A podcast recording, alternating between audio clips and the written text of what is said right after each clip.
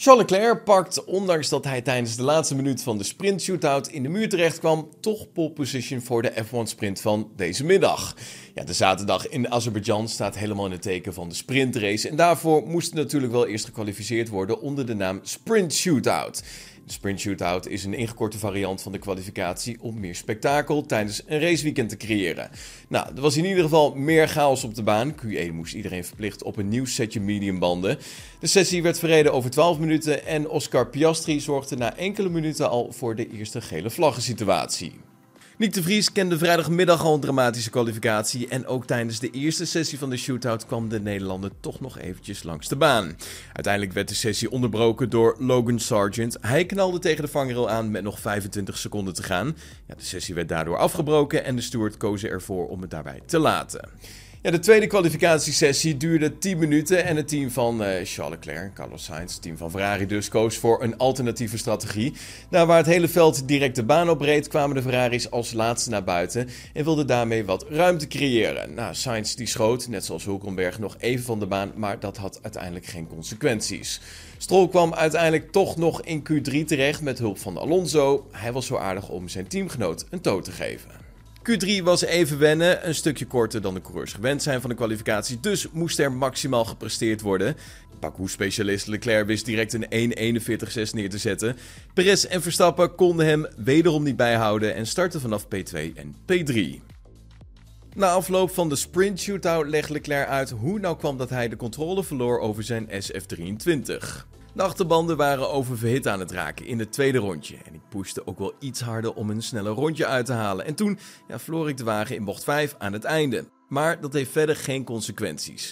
Ik weet niet of het nog invloed op Carlos had. Dat zou wel jammer zijn, want hij was bezig aan een verbetering. Al dus Charles Leclerc. Ja, de FIA heeft iets over het hoofd gezien met het opstellen van de reglementen voor de kwalificatie in Azerbeidzjan. Het betreft hier de regels voor de banden tijdens de sprint shootout die we dus zojuist hebben gezien. De FIA wou dit direct herstellen, maar de teams staken hier een stokje voor. De bedoeling is dat tijdens de sprint shootout alle teams enkel gebruik maken van de mediumband in Q1 en Q2. In de laatste sessie in Q3 moet er op een nieuwe set van de softband worden gereden. Echter zit er een maas in de wet wat betreft dat laatste stuk. In de reglementen staat namelijk niet dat de teams verplicht zijn een nieuwe set van de zachte band te bewaren voor zaterdag. Ja, daar ging het fout, want sommige teams kunnen hier dus proberen hun voordeel mee te doen.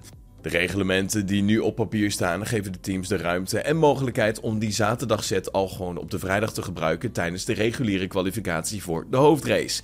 Ja, dat kan een voordeel zijn wanneer een team denkt dat ze toch niet in Q3 van de sprint shootout terecht gaan komen.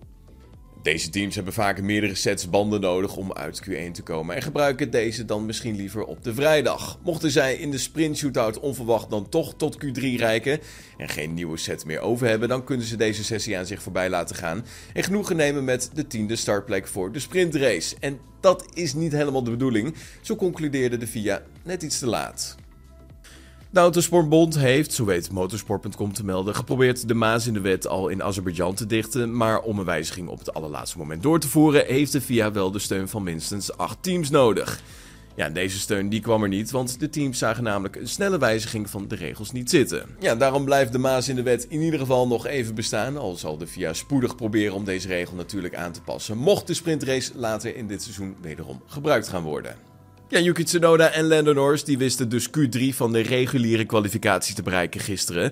McLaren en AlphaTauri die kozen dus om all-in te gaan en gebruik te maken van hun beschikbare setje softs. En dus met succes, want Q3 werd dus gehaald en beide heren hebben zich daarom verzekerd van een uitstekende startpositie voor de Grand Prix op zondag.